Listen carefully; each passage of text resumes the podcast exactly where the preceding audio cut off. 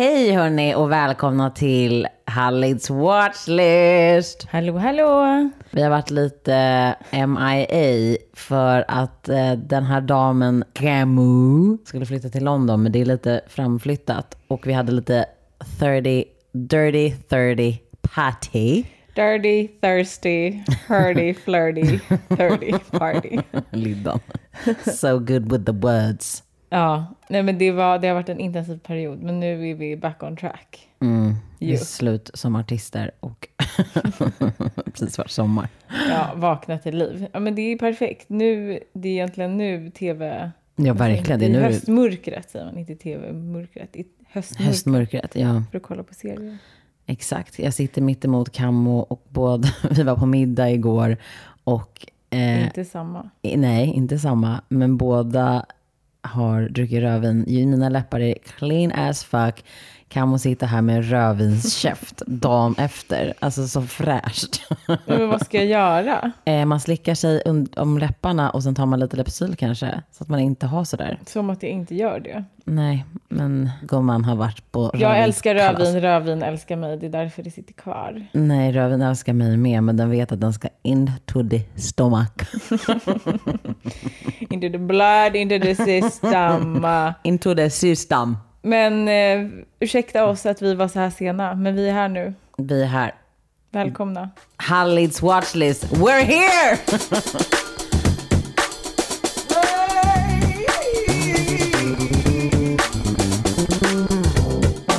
I dagens avsnitt så ska vi prata om dokumentärer.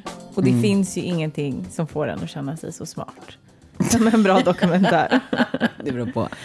Nej men det är ju det. Men man, man känner sig, man är i samtiden, man är in the community. För att när det är In the en community doku- of what? Nej men när det är en dokumentär som är superhypad, då kan ju allt. Om den, Alla- absolut. Mm. Alla kan allt om den och om det temat. Och det är ju det, det liksom, vad säger man, den sociala konversationen handlar Mm. om. Alltså typ, det blir liksom en snackis, typ Fire Festival-dokumentärerna. Det kom ju ut två eller tre samtidigt. En från Netflix, en från, jag minns inte vad, Hulu Mm. typ. Alla memes som var den veckan Mm. handlade om Fire Festival. Alltså det vill säga, alla pratade om det. Så har man inte sett den, då är man så ah, jag har inte sett den. Och Mm. sen sitter, alla, sitter alla andra och har kul och pratar om den och skrattar. Mm. Ehm, så det är ju, det är en, en, en stor del ändå av Men det är precis som när du har sett en film. liksom, tv. Alltså, en, ja, fast det blir inte... Nej, det är en film. Det är, det är något annat med dokumentär. Det, det, det blir oftast mer av ett samtalsämne än en Absolut. film. För Men det det är kan- såklart film är. Det är ju därför vi gör det. Jo, jag vet, men det, menar, det, det film. skulle kunna vara, vi säger att det är en film om en sann karaktär. Då vet ju alla, att de som är intresserade läser ju på om den. Oh my god, visste du att han eller hon gjorde det och det och det? Jag förstår? Det är ju på, på ett liknande sätt med en dokumentär också. Det- Förstår du vad jag menar? Nej, det är väl det exakt det är. Du får ju all information i dokumentären och då kommenterar man dokumentären. Jo, jo, men det sen är ska inte man som också sitta och att läsa alla på. helt plötsligt bara Låt oss googla upp Albert Einstein och så sitter man och pratar om Einstein. Alltså förstår du? Det måste, Nej, det det måste ju vara en specifik Det är inte grej som är current och då är det en dokumentär. Nej men Ehm, typ Jackie O, den filmen som gjorts om henne. Många vet ju väldigt mycket om henne. Men många, efter de har sett filmen, det finns ju flera olika filmer ja, med henne. Du menar men om det blir en självbiografi? Är det det du pratar om? Exakt det jag pratar om. Men jag sa ju om en sann karaktär, om en, riktig person. Ja fast du sa inte vad. Vad en riktig person? Jag trodde vi pratade om dokumentärer. Jo, jo, men jag menar bara, det kan bli på samma sätt med en film. Om det handlar om en riktig person, då kan ju folk läsa på om den oh my god, jag såg det här i den här, den här filmen.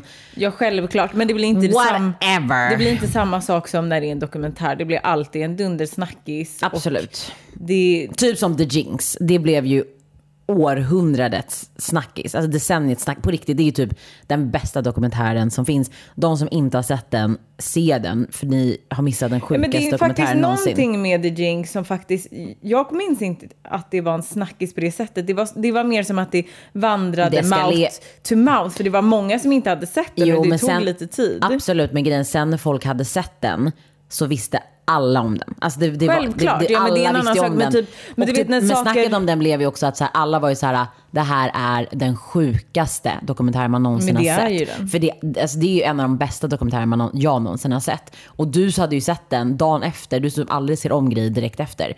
Typ oh my god, du måste se den nu, vi ser den nu. Och sen plöjde du och jag hela säsongen igen dagen efter du hade sett den. Och den är ju galen. Den är galen. Men det, och det är också, det känns som att den här boomen av dokumentärer kom med med krimkategorin. Mm. Alltså när Netflix började ta fart och liksom Nej, inte Netflix började ju inte. Det började Alltså dokumentärer långt- har alltid funnits. Jag, Ja. menar bara, jag, jag menar bara, det har ju blivit Alltså, en crime har extrem...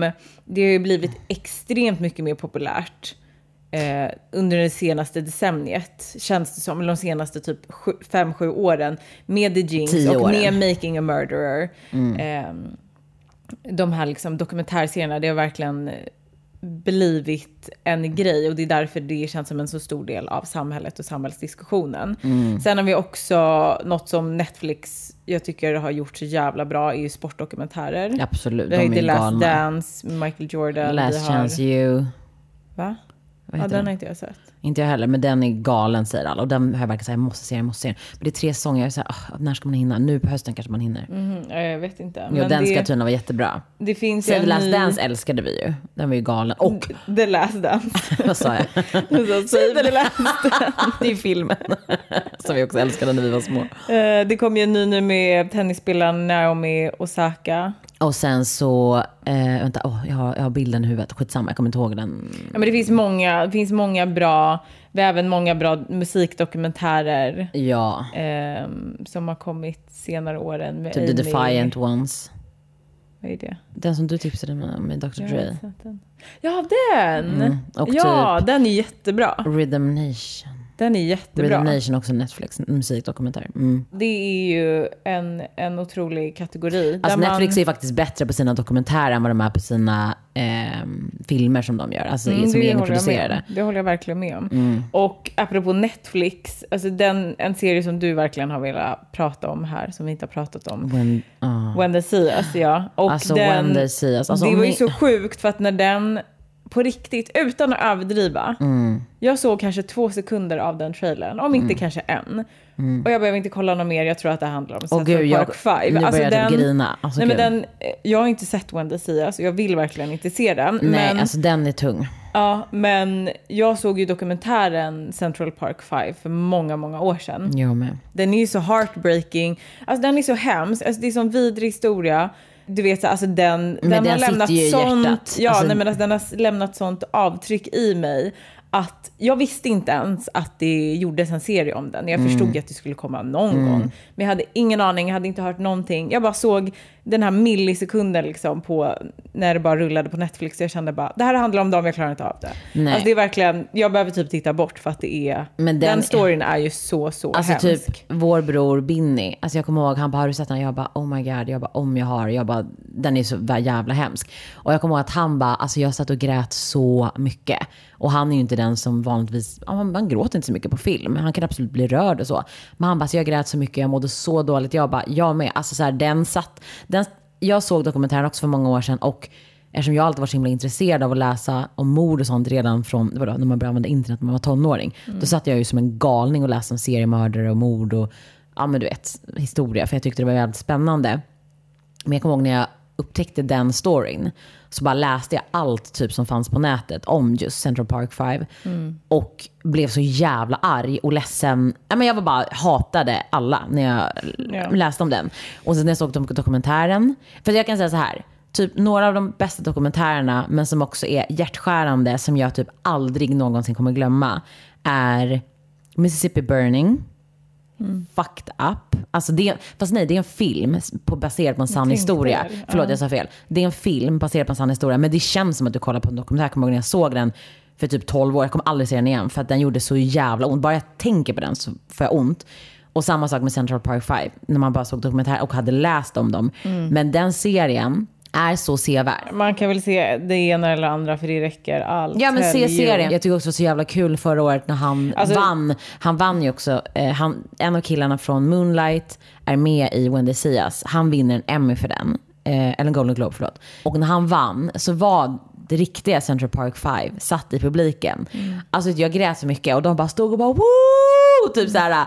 Och bara this for you guys. Och bara, men det är fint att de har fått recognition för det är så många svarta som med om sådana saker som det inte ens pratas om. Och det här är en av de det fel, finns ju hur fel, många mest fel- felaktiga Alltså det finns ju hur många som helst sådana domar. Alltså Det fo- folk som är wrongly eh, accused. Och, eh, men Jo, vi, men- vi kommer till det sen. för Jo, jag har faktiskt en sak jag vill säga om det. Men Hon regisserade serien When They See Us eh, heter Ava DuVernay. Och hon gjorde också en, hon har gjort flera grejer, men hon har gjort en dokumentär som heter 13 Amendment som finns på Netflix. Nej, the, the 13th heter den väl bara? Förlåt, just det. Mm, Den heter 13th, precis, men det handlar om the 13th Ja. Amendment. En väldigt, väldigt bra, för att den sätter ord på saker som folk inte riktigt förstår. Om eh, det amerikanska rättssystemet. Och hur det fortfarande är som ett enslavement i, i, i, modern, i, i modern tid. Ja. Ja, den är... Den, Den förklarar jättebra. väldigt mycket för folk som inte kan jättemycket om det. Och den, jag tycker den är jävligt bra, väldigt välgjord. Skitbra. Ja, hon är otrolig. Hon är grym. Eh, Central Park 5, dokumentären Mm. i alla fall gjord av Ken Burns, som är en otroligt stor eh, documentary Alltså, precis. filmmaker. Men nu har vi kastat ut oss massa titlar. Det här Mm. är mer bara dokumentärer man har sett, älskat, blivit berörd Mm. av. Eh, men nu ska vi välja några nya eh, favoriter som vi ska djupdyka lite mer i. Ja.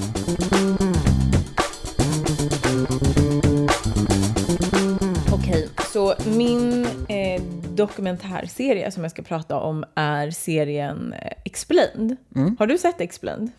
Eh, Netflix, just det. Nej. Nej. Nej. Det, okej, jag ska... Okej, I will tell you. För jag vill bara säga, jag ser hur titeln gult, ser ut. exakt. Ja.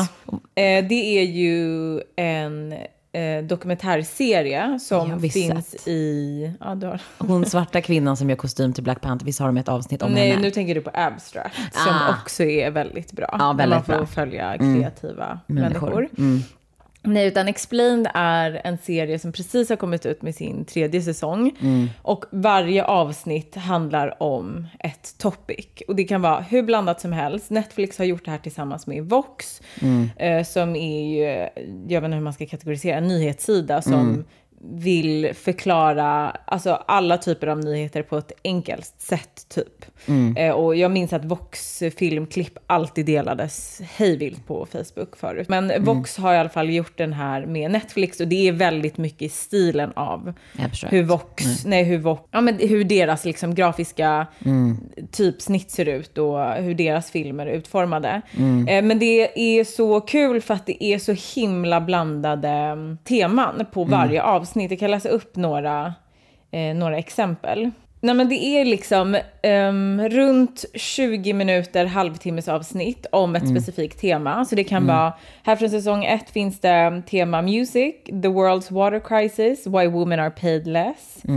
Ehm, weed, cricket, exclamation points, do we overuse exclamation points? Alltså det kan vara liksom ett tema, så det är extremt blandat. Eh, några av de avsnitten jag har sett ifrån den senaste säsongen är bland annat Sugar och eh, Chess.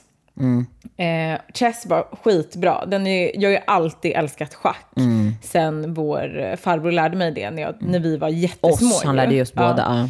Ja, men det, det är bara så här roliga ämnen Mm. och det är så välgjort och så här väldigt enkelt förklarat. Det är nästan som en sån här jag älskar sånt. Varför har jag inte sett det här? Det är så... type of series. Jag blir så irriterad för jag, den har ju dykt upp som förslag till mig hundra gånger. Så, ah, men jag tar den sen, jag tar Ja, den sen. men det är så bra. Och typ Chess-avsnittet till exempel, där är berättarrösten eh, Rain Wilson. Mm. Eh, och det är ju Dwight i eh, The Office, US. Som vi och älskar. det som är så kul är att det är nice för att det är röster man känner igen och det ger ju en extra edge på den här serien. Att Mm. det är kändisar som är liksom berättarrösten. Och han, han vid något tillfälle sa någonting, kan, vi kan spela upp det här när han bara idiot!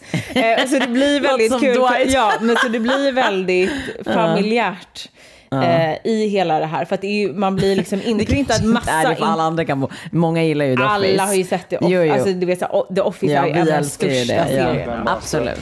The chess playing machine learns the best moves by using its past experience to analyze a number of different moves. And then selects one. For a brief period, it was the most popular genre on the streaming platform Twitch, surpassing video games like League of Legends and Fortnite. Thousands even tuned in to watch me play. Oh, he blunders at h4. Logic's gonna see the checkmate, I think. What was that, idiot? When I look at chess through its history, it was considered a game that, that people who were very smart played. Great leaders have been Eh, nej men sen det är ju andra And karaktärer, thinkers eller det är andra personer också som är berättarröster. Eh, men det är så himla mycket information, men det är så välgjort och välpaketerat. Grafiken är så bra. Och de har alltid så bra exempel.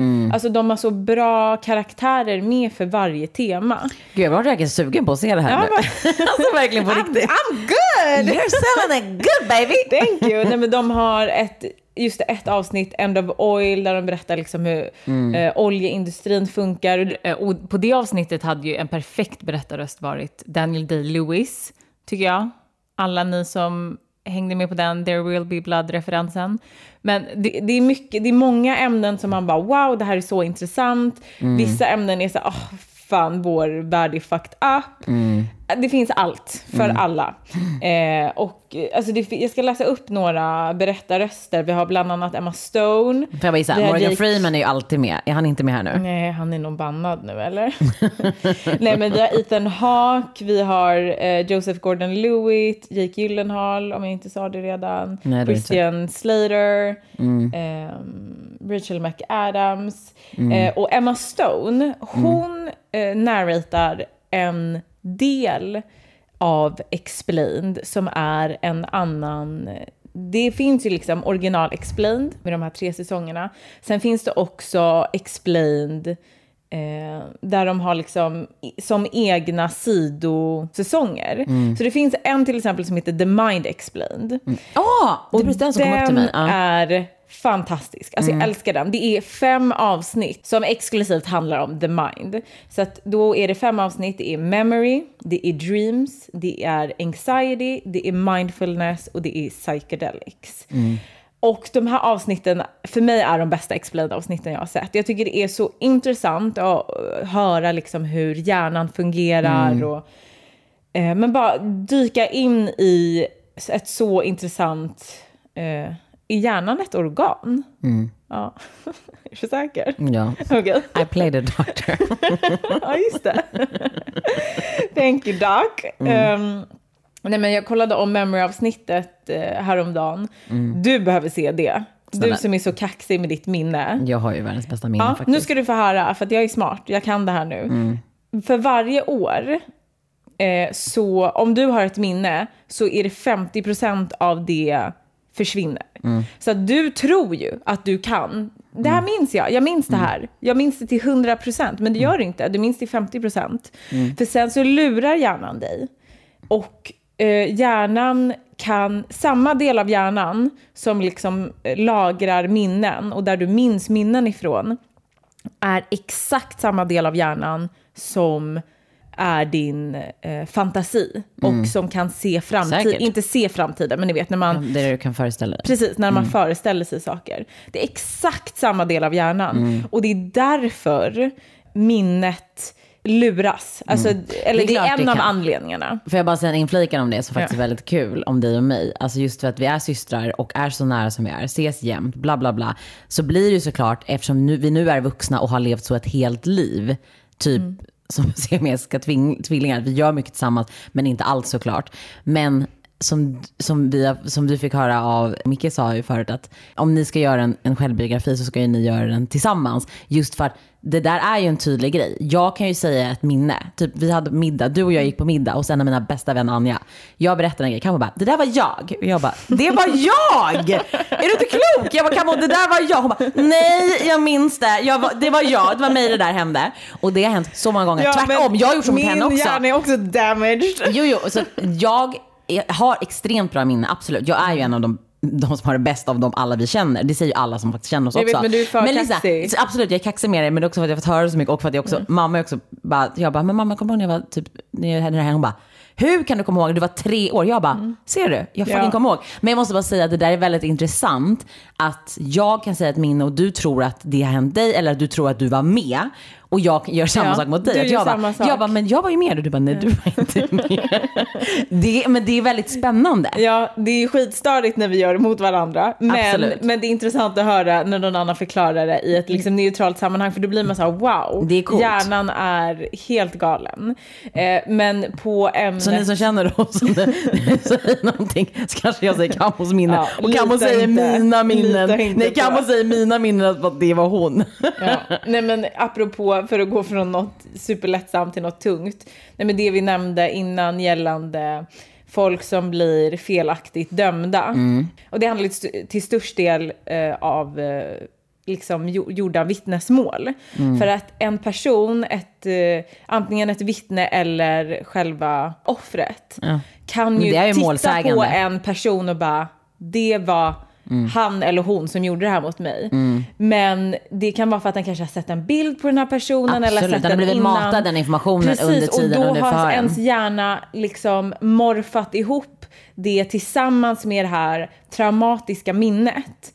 Eh, och det är det som är så tragiskt, att man kan lita så blint på vittnesmål. Mm. Eh, för det ska man inte göra i, speciellt inte såna eh, tunga grejer. Nej. Och där det bara är liksom eyewitness och inget annat. Nej, bevis. livsfarligt. Det går ju inte. Nej. Ehm, så de pratar om mycket sådana saker och det är det som är så kul med den här serien. Den är extremt lättsam men den kan också vara supertung.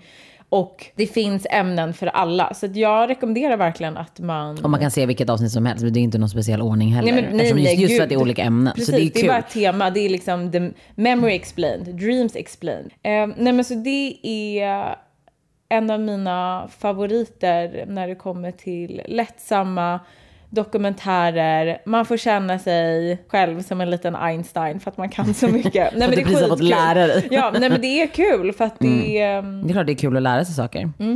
eh, explained på Netflix you guys. It's coated with gold and sugar. Too good for leprechauns. Silly rabbit, it's all for kids. Sugar doesn't have any nutritional value whatsoever. I would argue that you couldn't even call it a nutrient. Some sugar is converted into fat. He shouldn't let candy and sweets substitute for other foods. My tummy wants something yummy. Take it away. Yes, okej. Jag ska berätta om ehm, en dokumentär som finns på SVT Play som heter Truman Capotes gömda arkiv. Och Truman Capote, om man inte vet vem det är, är ju en av vår tids största författare.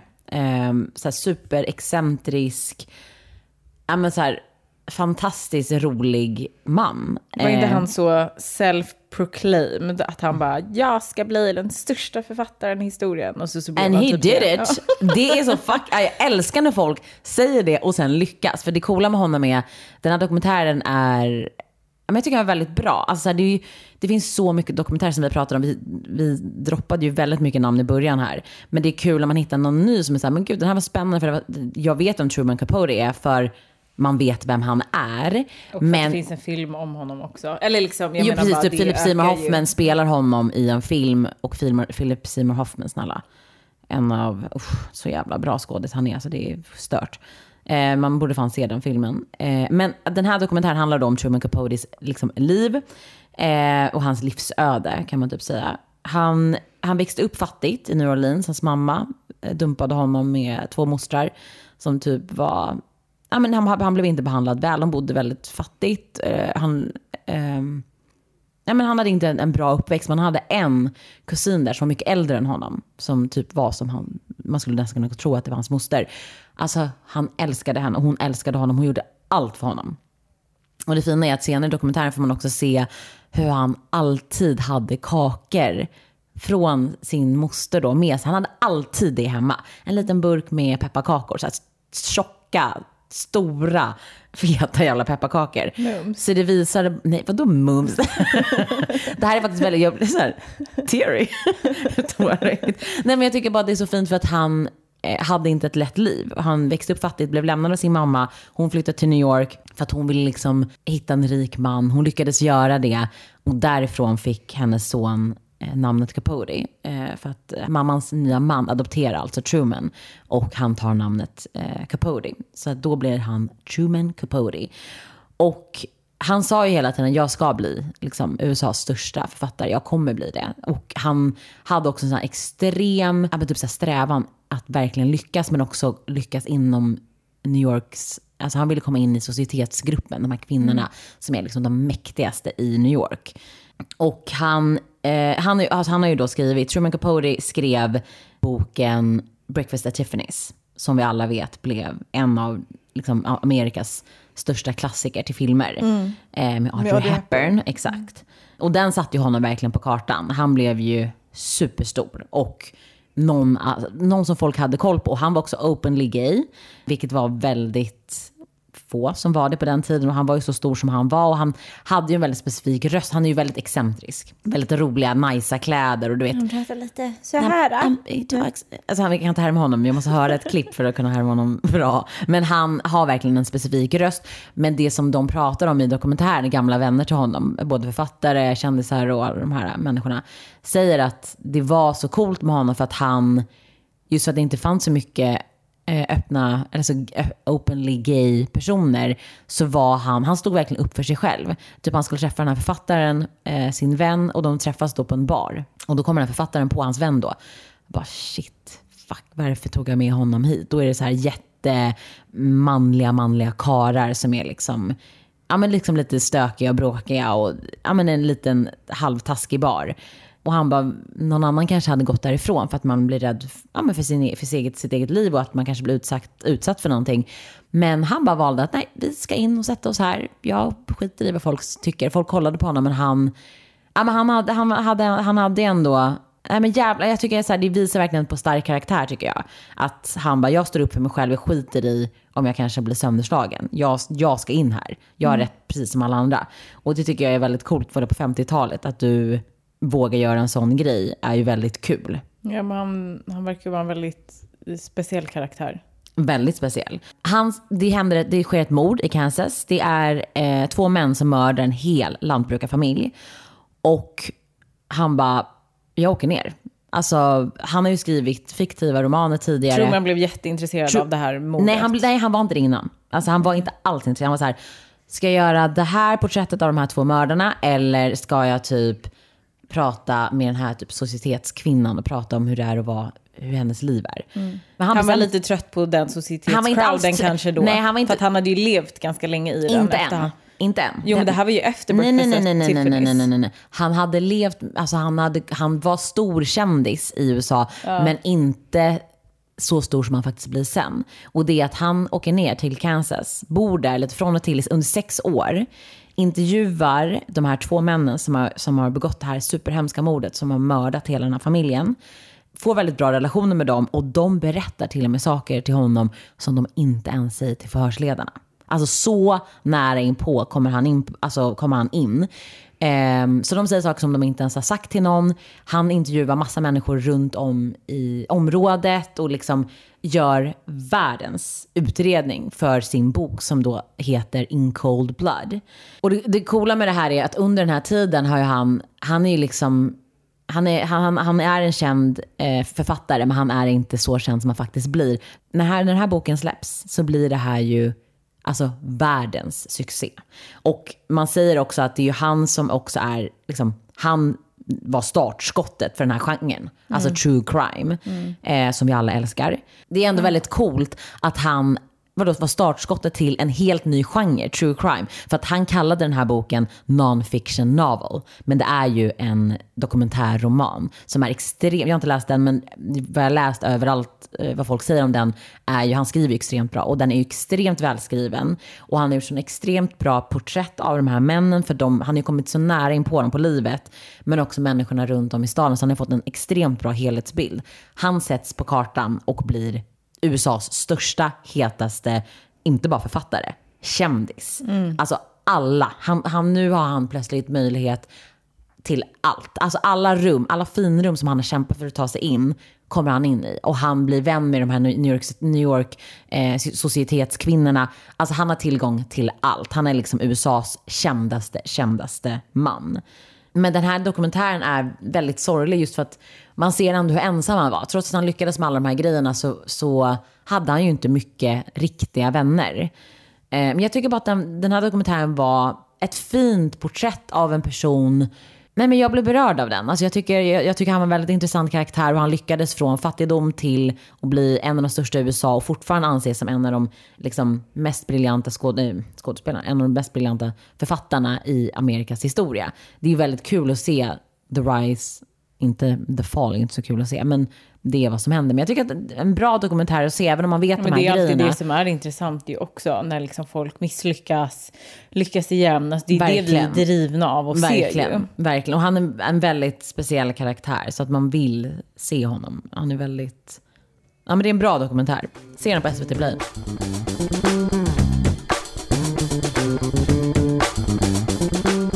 Okej, nu kan du. Alltså jag... Du vet kan man ju sagt det här. Senaste månaden har jag blivit besatt av späckhuggare.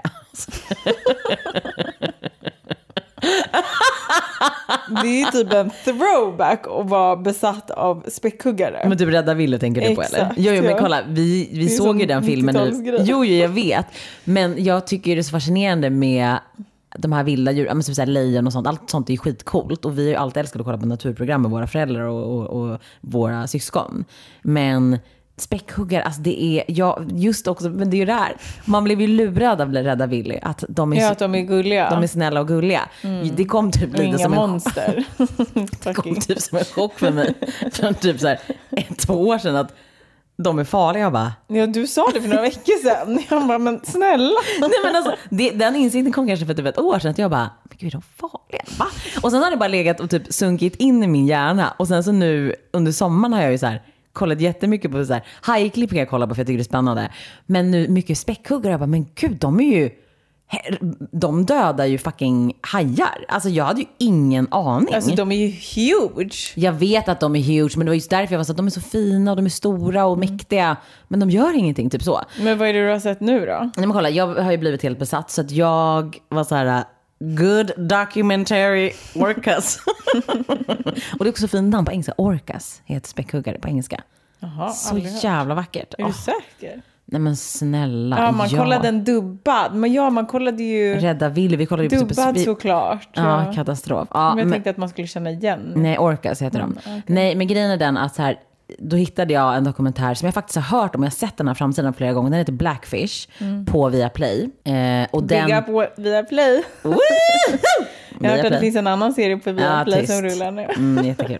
Ehm, Camo, lägg av. Kör. Störigt. Okej, ehm, den här dokumentären heter Blackfish. Den handlar om eh, späckhuggare, men specifikt... Ja, men det handlar om späckhuggare som är i fångenskap på SeaWorld. Men alltså, det handlar specifikt om en som heter Tillicum, som då har visat extremt aggressivt beteende på SeaWorld. Alltså, han, han är en av de här du vet, som de showar med tränare. Det är tränare som hoppar ner i vattnet med dem och de lär dem massa tricks och du vet sådana saker. Alltså det är så fucking hemskt. Ehm, och Sluta gå på Zoo och på SeaWorld. Alltså verkligen. Alltså verkligen. För grejen är den att vad de pratar då om i, i den här dokumentären, det är massa tränare som har jobbat på SeaWorld. De bara, så när vi började här, det är, så här, det är ju djurmänniskor, de älskar ju djur. Ja. Och de har ju blivit så indoktrinerade från ledningen att så här, ni vet att späckhuggare när de är ute i, i, i det vilda, då lever de inte så länge. Men när de är hos oss i fångenskap, eh, så vi tar ju hand om dem, vi ger dem mat hela tiden. De får liksom mat under regelbundna tider. De lever mycket längre här, de är mycket säkrare här, de är inte aggressiva, bla bla bla. All den här skiten. Så de här tränarna köper ju allt. Så får man se så här klipp när de typ pratar med, eh, det var väldigt få, men typ så här folk som är där på besök. Nej, men de lever ju mycket längre här och lalala. Och det här var under den tiden, snälla, det fanns inte YouTube och du vet sådana saker. Så att det inte, eller Google, så de kunde inte googla på de här sakerna. De kunde väl läsa i en bok. Men det, det är ju så Men det jävla... var ju inte, samhällskonversationen var ju inte så mycket att, alltså där var, zon har ju varit så här, gud vad, alltså det är en Exakt, mysig grej. till och med när man har djur som ja, ska det är göra en sån massa här saker. familjeaktivitet. Det är inte, det har ju varit Ja, men det är underhållningsshower för familjer, grej exakt. För, i samhället, men det är ju nu vi liksom börjar få det uppvaknat, så bara, men gud, det är ju verkligen inte okej egentligen. Absolut inte. Men ja, fortsätt. Nej, och de här gamla tränarna för SeaWorld som, de berättar liksom sin story och all den här infon som de har fått och alla de här grejerna. Men sen så börjar det hända saker på SeaWorld. Det är den här Tillicum. Det är en manlig eh, späckhuggare. Och han vill de ju såklart ha kvar, även fast han har visat aggressivt beteende, för att han blir ju värd miljoner miljoner, eftersom hans sperma, de bara avlar sönder på honom. Det är liksom hur många led under honom av hans barn som de bara matar ut. Och grejen med den, med honom var att i en dokumentär, det är så sorgligt att det, typ efter de har gjort sina shower, det är ju väldigt coolt att se hur de du vet, de är svinsmarta de här djuren. Det vet man ju om, det har man ju alltid vetat. Men i den här dokumentären så berättar de också att späckhuggare har ju en del av, de är ju extremt smarta djur. Typ en av de smartaste djuren som finns. Elefanter, som jag också är besatt av, som jag alltid har varit, är ju också extremt smarta och liksom, intelligenta djur. Späckhuggare har ju en del av hjärnan. Eh, de har liksom röntgat eh, eh, späckhuggares hjärna eh, och upptäckt att de har en del av människans hjärna som vi inte ens har aktiverad, har de aktiverad. Typ det emotionella. De är ju eh, flockdjur. Och de lämnar aldrig sin tribe. Eh, de lever hela liv och de kan leva alltså, upp till 80 till 100 år när de är ute i det vilda. Men när de är i fångenskap, då dör de typ vid 25-30. Och det är så jävla katastrof. Och den här Tillicum då, som eh, de hade fångat som barn, Alltså det är så sorgligt. Han, de berättar ju det, en av de som hade fångat honom, berättar då om att, alltså när jag hörde hans mammas rop i havet när vi hade fångat honom. Alltså han bara, det var så brutalt. Han bara, hon skrek, hon skrek, hon skrek. Hon bara, man har ju hört djur som har blivit fråntagna från sina, från sina föräldrar. Det är klart att de är ledsna eller de liksom låter. Men han bara, det här var så påtagligt. Han började grina, något så här jätte stor så här Berkeley man, så här American och bara, han satt och började böla och bara det var så sjukt. Och så i den dokumentären får man också se när en mamma blir fråntagen sin lilla unge. Alltså de tränarna sa det, att det var ju då de började vakna till liv och bara, alltså de här djuren, de är smarta, vi vet om det, de lär sig de här tricksen. Men de är så emotionellt, de har så högt EQ att hon var deprimerad. De märkte om hon skrek och skrek och skrek och skrek och skrek och skrek efter sitt barn. Och hon typ simmade själv. Och det var verkligen, hon gick in i en depression. Ehm, och sen så när de här forskarna berättar då om deras hjärna och deras hjärnkapacitet, att den är liksom starkare än vår på den emotionella nivån. Är så sorgligt hur man då behandlar de här djuren i fångenskap. Och den här Tillicum då, han har ju varit i fångenskap då i SeaWorld. Bor med två eh, tjejspäckhuggare. Sen på kvällen så sätts de i en liten bur, en mindre bur. När han kommer ut därifrån så ser de att det är rivsår, han blöder. Så han blev inte alls bra behandlad av dem. Och därifrån kan ju det ha- framkallat det här aggressiva beteendet. Från hans sida att han bara vill ut, obviously. Han vill inte vara i en liten bur. Så folk dör. Tränare dör, blir uppätna. Alltså du vet, så sjukt läskiga grejer händer. Tror du att den här ledningen berättar någonting? Säger ingenting. De bara, det var tränarens fel. Hon hade hästsvans på, sig. Eh, Tillicum blev förvirrad. Han rev henne, drog henne lite i hästsvansen. Eh, så folk fortsätter att jobba med Tillicum. Och det sjukaste klippet ever i den här filmen. Efter, Eh, Behöver vi säga spoiler alert? Ja, det är verkligen spoiler alert. Det borde kanske säga kanske innan, förlåt. Men jag blir så engagerad i det här. För att det är, det är sjukt. Alltså jag har ju sett många så här klipp, typ när folk simmar iväg från hajar och sånt. Alltså det låter som att jag tänder på det här. Men det är, men det är så fascinerande att se hur människan, hur man kan reagera. Den här personen är en av tränarna, supererfaren. Känner verkligen till allting är hur bra som helst. Han vet inte om att vad som har hänt typ dagarna innan. Ehm, så han är i vattnet med Tillicum. Och han tar hans fot. Späckhuggaren, Tillicum. Han tar hans fot. Eh, alltså den här mannen, han är så cool. Han är så cool. Han bara klappar honom. Han klappar eh, späckhuggaren. S- Klappar honom och så bara drar han ner honom. Alltså han bara drar ner honom till botten av poolen. Tänk dig att det är en späck... En, en, Vem en, klappar vem? Tränaren Ja. heter Ken. Han klappar. Späckhugg- han, klä, tränaren klappar späckhuggaren. För att han tänker släpp mig. Han, nej, han tänker nog absolut, försök släppa mig, men han vet nog att han kommer inte släppa mig.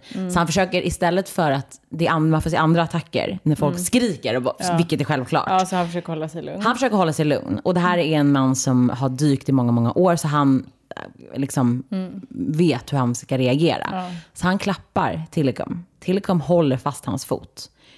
Han bara drar ner honom, ner i poolen. Tänk, tänk hur långt, den är, det är en liten pool, men den är självklart djup. För man ser hur långt ner de kommer. Och den här jävla trä, tränaren, alltså, han är så fucking cool. Han bara är där och bara är lugn, lugn, kommer upp igen. Tillicum tar upp honom för att späckhuggare behöver ju komma upp till ytan för att få luft. Får luft och han klappar honom, säger ingenting och bara, men man ser att han skakar, tränaren. Men han bara är lugn. Och så drar han ner honom igen och jag ser att han bara, alltså han får inte riktigt med luft. Jag bara, nej men herregud, okej han kommer överleva för annars hade de inte visat det så här mycket. Tar sig upp, det där händer några gånger. Och du vet, jag bara, alltså den här människan borde få något pris. Späckhuggaren släpper hans fot, tar nästa fot, drar ner honom igen. Alltså du vet, panik. Till slut så lyckas han, han släpper honom. Han simmar mot den här kanten där de, ja, ja, simmar upp där och kan inte ens gå på foten för han har väl obviously bitit honom. Så Ja. att han, ja, springer upp. Alltså jag grät så mycket. Alltså det var som att jag var hans flickvän. alltså den här tränaren. Jag verkligen så såg det framför mig för det var så sorgligt. Men förstår hur ledningen satte sina tränare i fara Mm. och flera dog av de här super liksom, jag är inte erfarna. förvånad när det handlar om pengar. Folk gör vad fan som Ja, helst. de gör verkligen vad, vad som helst. Men den här dokumentären är väldigt berörande och är väldigt spännande att se hur de här... Vad det? Skrattar. jag skrattar åt att du har berättat hela dokumentären. Jag vet, ni behöver inte se den då. Men den är... Alltså det de är så jävla häftiga djur. Men det här är ju, det är det. Det är jättesorgligt att de här människorna har dött. Det är så hemskt. Men man ska inte hålla de här djuren i fångenskap. Vad fan trodde ni? Nej. Alltså så här, och sen de här tränarna har ju blivit så manipulerade och lurade. Så det är ju sjukt sorgligt hur vissas livsöde har blivit. Men den där mannen, hur han tog sig ut, det är Mm. så fascinerande. Helt lugn. Vad kan man se? Man kan se den här på Viaplay. Man kan se den här på Viaplay. Den heter? Blackfish. Orcas.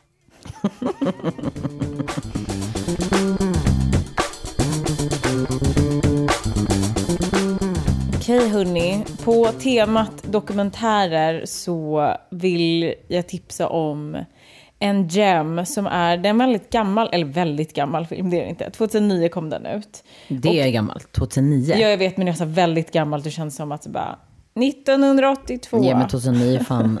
Ja, den är gammal. Den känns gammal när man ser den. Men den är så bra och fin. Det är en eh, mockumentär. Jag kommer ihåg när jag först började kolla på den så fattade jag typ inte om det var en dokumentär eller inte. Mm. Men den handlar om en ung tjej som heter Charlene J. Hon är... Eh, alltså nästan alla i den, här, i den här filmen spelar sig själva. Mm. Så det är därför jag blev, alltså man blir lite mindfucked. Men Mm. det är fiction. Men det handlar om hennes quest om att hitta kärlek. För hon har aldrig varit tillsammans med någon. Hon känner sig lite... mm, Eh, hon är bara liksom obekväm när det kommer till kärlek. Mm. Och hon är en skådespelerska slash eh, komiker. Mm. Så hon har liksom lite vänner där i LA som är i branschen. He- En av hennes vänner eh, som är en regissör, men han spelas av eh, Jake Johnson, alltså han från New Girl. Jag kommer inte Mm. ihåg vad han heter i New Girl. Men jag gillar verkligen honom. Ja just det. Åh nej. Eh, Nick. Nej. Eller? Vänta. Alltså inte Schmidt och inte den svarta killen. Ja, utan- men det, det är Nick. Okej, Nick. Eh, han, han, Man störde sig på honom i New Girl, sen gillar man Jag honom. vet, men jag, allt annat jag sett honom i, alltså typ Nej, den här nej. filmen, han är så Nej, alltså kan bra. man, man störde sig på honom i början, sen älskar man honom. Ja, men typ han är ju med i Easy, den här, en serie som vi har tipsat om tidigare i podden. Mm. Alltså hans karaktär i Easy och den storyn, Mm. alltså jag är kär Men han i är- honom. men han är så jävla Kär ro- men han är så rolig, honom. det är ju det. Ja, han är så rolig. Han i alla fall spelar en regissör eh, som känner Charlene och eh, säger, men vet du vad, kan inte jag få göra en dokumentär Mm. när jag följer dig och du, vi ska hitta kärleken åt dig. Mm. Eh, och den är så mysig. Mm. Och Charlene hon träffar massa eh, komiker eftersom Ja, men det är så kompisars kompisar, så vi får se eh, Seth Rogen, vi får se ja, men massa, och eh, inklusive Michael Cera. Mm. Och Michael Cera och hon börjar dejta. Mm. Så där får man liksom följa den här kärlekshistorien. Eh, Och och, hur Michael hon Cera. liksom inte riktigt förstår sig på kärlek och dating. Mm. Och, jag, vet inte, jag tror typ, för att första gången jag såg den, jag tror att jag eh, kunde relatera väldigt mycket till hennes karaktär. Ja. För att jag har ju varit emotionally closed. eh, nej men jag tycker bara att det var, alltså den är så himla gullig och fin och barnalik typ. Alltså Mm. de är ju unga 20-åringar i Mm. den här filmen. Ehm, och den är bara supermysig det, det känns som att det är på riktigt. Det känns Mm. verkligen som en dokumentär. Så man, om man bara går in i den känslan så tror jag att man... Kan relatera till ja, när man, man själv man var kan yngre verkligen också. det. Jag Mm. tror det. Eh, och den här, jag kollade upp det på IMDB, den har bara 6 av 10. Jag tycker att den förtjänar mycket mer. Sen det finns andra saker som har 6 av 10 som man bara, alltså ew, den borde få 3, Ja, 2 jaha. av 10. Ja. Nej, men den är i alla fall väldigt, väldigt mysig och jag tycker att den är en klockren sån mockumentärfilm eh, som är extremt gullig. Det är en sån feel film Så det är veckans gem och tack för att ni väntade några extra dagar. ja, och ha en fin fortsatt vecka. Ja. Puss Ciao. och kram. Puss.